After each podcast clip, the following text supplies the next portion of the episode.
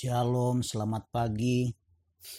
Selamat kita berjumpa kembali dalam pembelajaran firman Tuhan hari ini yang terambil dari kitab Mazmur pasal 1 ayat 1. Mazmur 1 ayat 1. Sebelum kita membaca, mari kita berdoa. Bapa kekal di sorga dalam Tuhan Yesus Allah Roh Kudus. Terima kasih buat kesempatan lagi yang Engkau berikan bagi kami untuk belajar dari kebenaran firman Tuhan. Agar ketika kami memahaminya oleh pertolongan Roh Kudus, kami memperoleh kekuatan baru untuk melawan dosa, untuk melawan ketidakbenaran, untuk hidup kudus di hadapan Engkau. Kami percaya sementara kami dengar firman-Mu, kerja kuasa roh kudus menyembuhkan kami yang sakit, menguatkan kami yang lemah, melepaskan kami yang terikat, dan memberkati kami membuka jalan yang tertutup. Di dalam nama Tuhan Yesus, glory haleluya, amin. Bacaan kita terdapat terambil dari kitab Mazmur 1 ayat 1. Saudara ikut di dalam Alkitab, saya baca buat kita semua. Berbahagialah orang yang tidak berjalan menurut nasihat orang fasik, yang tidak berdiri di jalan orang berdosa, dan yang tidak duduk dalam kumpulan pencemooh. Jadi dari sini pemazmur kasih tahu kepada kita begini saudara. Kalau kita tidak berjalan menurut nasihat orang fasik, kita berbahagia. Kalau kita tidak berdiri di jalan orang berdosa, kita berbahagia. Kalau kita tidak duduk dalam kumpulan pencemooh, kita berbahagia. Yang menjadi masalahnya begini, saudara. Siapakah orang fasik itu? Kalau kita bicara orang berdosa, terlihat dengan jelas hitam putih.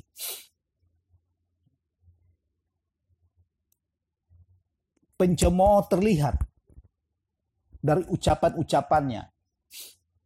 Tetapi or, orang fasik, saya buka-buka Alkitab, saya pelajari, kaget saya ternyata banyak sekali ayat-ayat tentang bicara tentang orang fasik amat terlebih di perjanjian lama. Sangat banyak saudara. Nah, apa itu orang fasik dan siapa itu orang fasik? Kalau saudara baca dengan jelas tentang orang fasik di Alkitab, amat terlebih di perjanjian lama, coba kita lihat di Amsal. Amsal 10 ayat 27.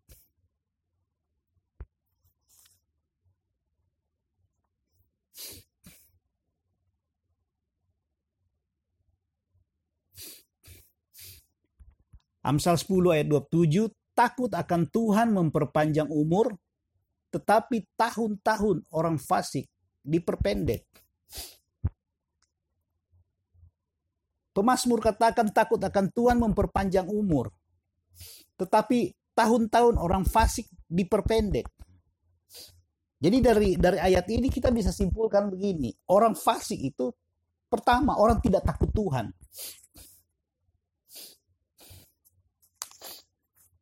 Baru yang berikut, kita baca di ayat 28, Amsal 10 ayat 28. Harapan orang benar akan menjadi sukacita, tetapi harapan orang fasik menjadi sia-sia. Dari ayat ini kita bisa simpulkan juga bahwa orang fasik itu orang tidak benar. Jadi tadi kita lihat, pertama dia tidak takut Tuhan, baru kedua tidak dia tidak benar.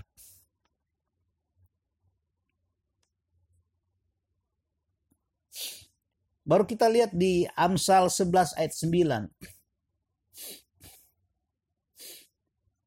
Dengan mulutnya orang fasik membinasakan sesama manusia.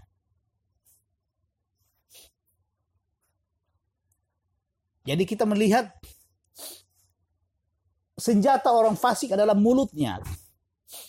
Bahkan bisa membunuh, kata Amsal. Dan ada banyak ayat-ayat tentang orang fasik. Jadi siapa itu orang fasik dan apa itu orang fasik, saudara? Dari apa yang kita pelajari, saya tidak mau ambil dari bahasa asli, saudara. Tapi kita simpulkan dari semua tentang bacaan tentang orang fasik. Orang fasik itu adalah orang yang tahu firman, orang yang paham kebenaran, tapi dia tidak melakukannya, dia tidak mengeksekusi. Jadi orang fasik adalah orang yang menyangkal kebenaran. Orang yang penuh dengan firman. Jadi kalau dengan dengan definisi seperti ini, orang fasik adanya di mana, Saudara? Orang fasik adanya di dalam gereja. Mohon maaf, Saudara. Orang fasik, orang yang berteriak-teriak, haleluya, haleluya. Orang fasik mungkin dia pendoa, mungkin dia pengkhotbah, Mungkin dia me, dengan label anak Tuhan. Tetapi dia tidak melakukan firman. Dia memakai mulutnya untuk menyesatkan orang lain. Jadi saudara kalau kita tidak punya roh kudus, bayangkan saudara, kita bisa tertipu atau kita bisa kena tipu. Bahkan di dalam rumah ibadah sekalipun. Mereka tahu kebenarannya orang fasik, saudara. Karena mereka duduk di situ dengar firman. Mereka mungkin belajar firman. Jadi ketika mereka memberikan nasihat, dengan mulutnya dia pakai untuk menasihati orang lain. Padahal hidupnya jauh dari Tuhan. Padahal hidupnya tidak mempermuliakan Tuhan. Padahal dia tidak melakukan firman Tuhan. Kesesatan dimulai dari sini, saudara. Dan kita tidak sadar. Mungkin saya dan saudara bisa aja termasuk orang fasik. Maaf, saudara.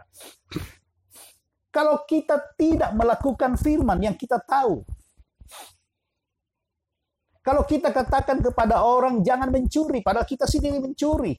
Kalau kita katakan kepada orang jangan berdusta, padahal kita sendiri berdusta.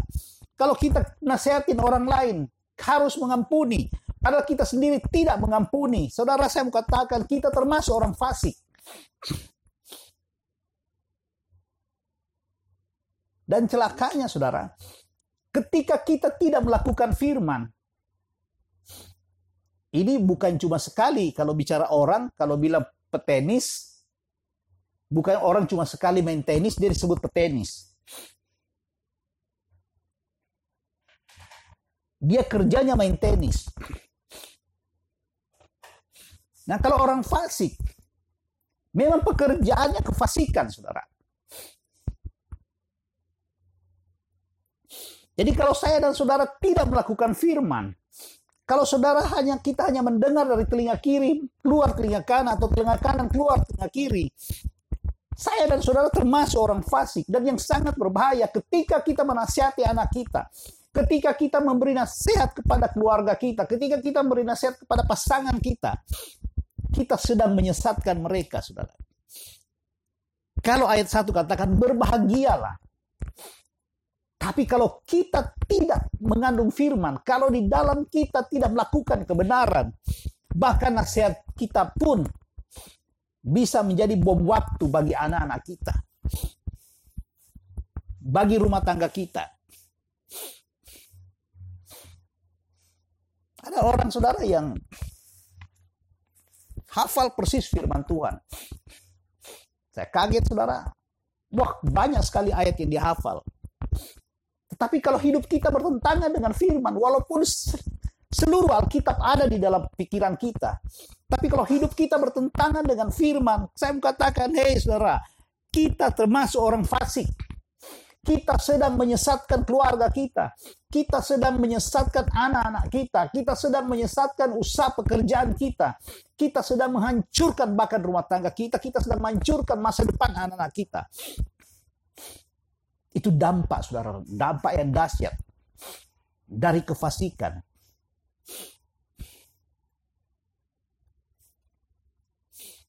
Baru yang tidak berdiri di jalan orang berdosa. Jadi saya pikir kenapa Tuhan tidak balik ayat ini. Yang tidak duduk dalam kumpulan pencemooh pertama.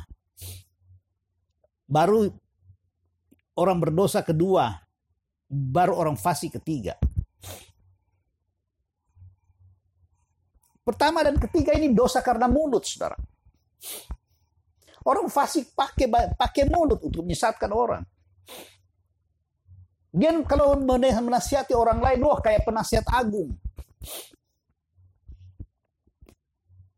Dan sedihnya saudara, banyak sekali terdapat dalam gereja. Pendeta tidak bisa salah sedikit, salah sedikit. Teman-teman lain di jemaat tidak bisa salah sedikit. Langsung dihakimi.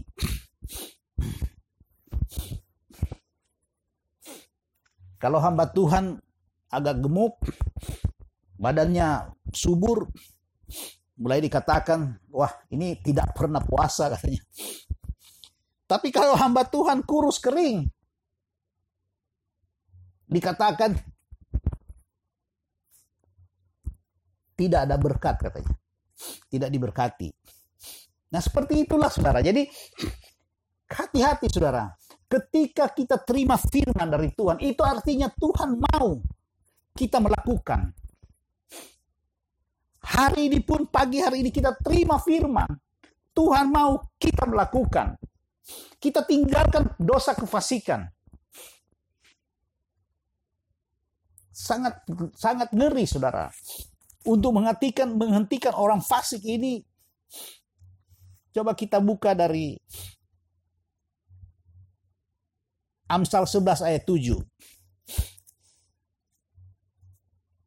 Saya mau istilah orang fasik ini, orang benar yang tidak memakai mulutnya dengan benar. Anak-anak terang yang pakai mulutnya dengan cara kegelapan. 11 ayat 7 kita baca. pengharapan orang fasik gagal pada kematiannya. Saudara ngeri, saudara. Hanya kematian yang bisa menghentikan kefasikan. Apa iya kita mau tunggu sampai ajal kita baru kita stop? Stop dengan sendirinya untuk merem mulut kita.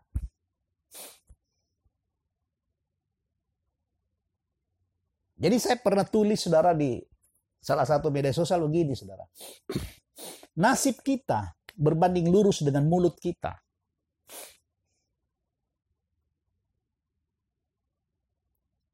Jadi dosa kefasikan, dosa yang mempergunakan mulut untuk hal-hal yang tidak benar. Ya bayangkan kalau kita, kalau seandainya saya tahu firman, saya tidak melakukan, Ketika saya tidak melakukan, mungkin orang lain tidak tahu saya tidak melakukan firman. Mungkin pasangan kita tidak tahu kita tidak melakukan firman. Yang mereka tahu, wah kita hamba Tuhan. Yang mereka tahu kita tahu firman. Yang mereka tahu kita bapak yang baik, istri yang baik, anak yang baik. Tapi kenyataan tanpa terlihat oleh orang lain. Tanpa terlihat orang lain. kita melakukan perkara yang berbanding terbalik dengan ajaran firman Tuhan.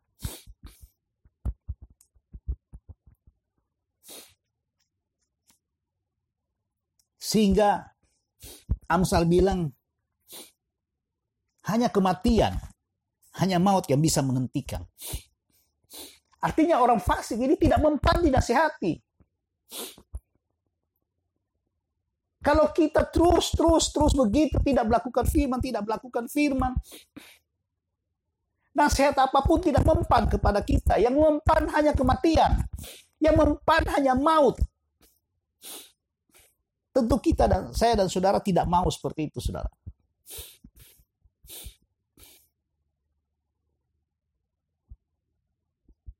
ucapan berbahagia di Mazmur ini katanya, kalau kita tidak berjalan menurut nasihat orang fasik.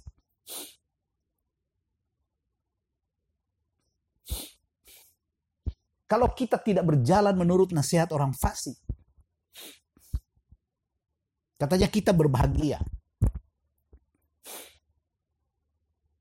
Nah, bagaimana kalau bukan kita tidak kita tidak mendengar nasihat orang fasik, tapi kita sendirilah orang fasik itu.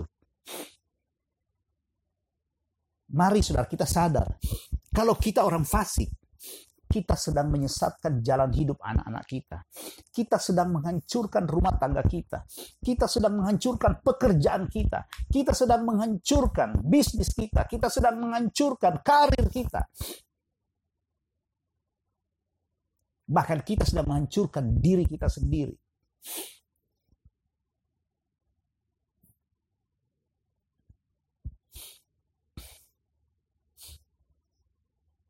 Ketika kita berjalan menurut nasihat orang fasik. Di situlah kita tertipu, saudara. Karena ada banyak orang memakai dengan alasan pekerjaan Tuhan, dengan alasan ini itu untuk memberi nasihat orang lain.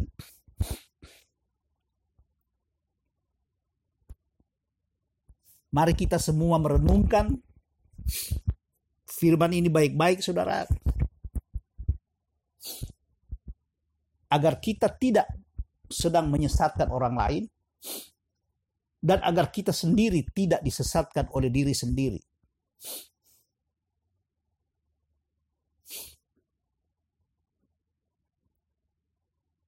Setelah ucapan berbahagia di atas, saudara, baru kita sampai di ayat 3. Ia seperti pohon yang ditanam di tepi aliran air yang menghasilkan buahnya pada musimnya dan yang tidak layu daunnya. Apa saja yang diperbuatnya berhasil.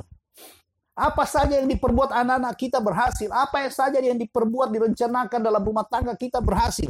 Apa saja yang diperbuat dalam usaha bisnis mata pencarian karir kita dibuat berhasil. Kalau kita tidak mendengar, kita tidak menuruti nasihat orang fasik atau orang yang tahu firman tapi tidak melakukannya. Ini bahaya di dalam gereja, saudara. Terima kasih. Tuhan berkati kita semua. Tetap jaga iman. Tetap imun. Amin. Mari kita berdoa. Bapa di sorga dalam Tuhan Yesus Allah Roh Kudus, terima kasih kami bersyukur buat kesempatan kami menerima firman-Mu. Ajar kami terus lewat kuasa Roh Kudus sampai kami paham betul dan kami memperoleh kekuatan dari kebenaran firman-Mu. Allah yang hidup, Allah yang hebat, Allah yang mulia. Glory haleluya, glory haleluya. Amin.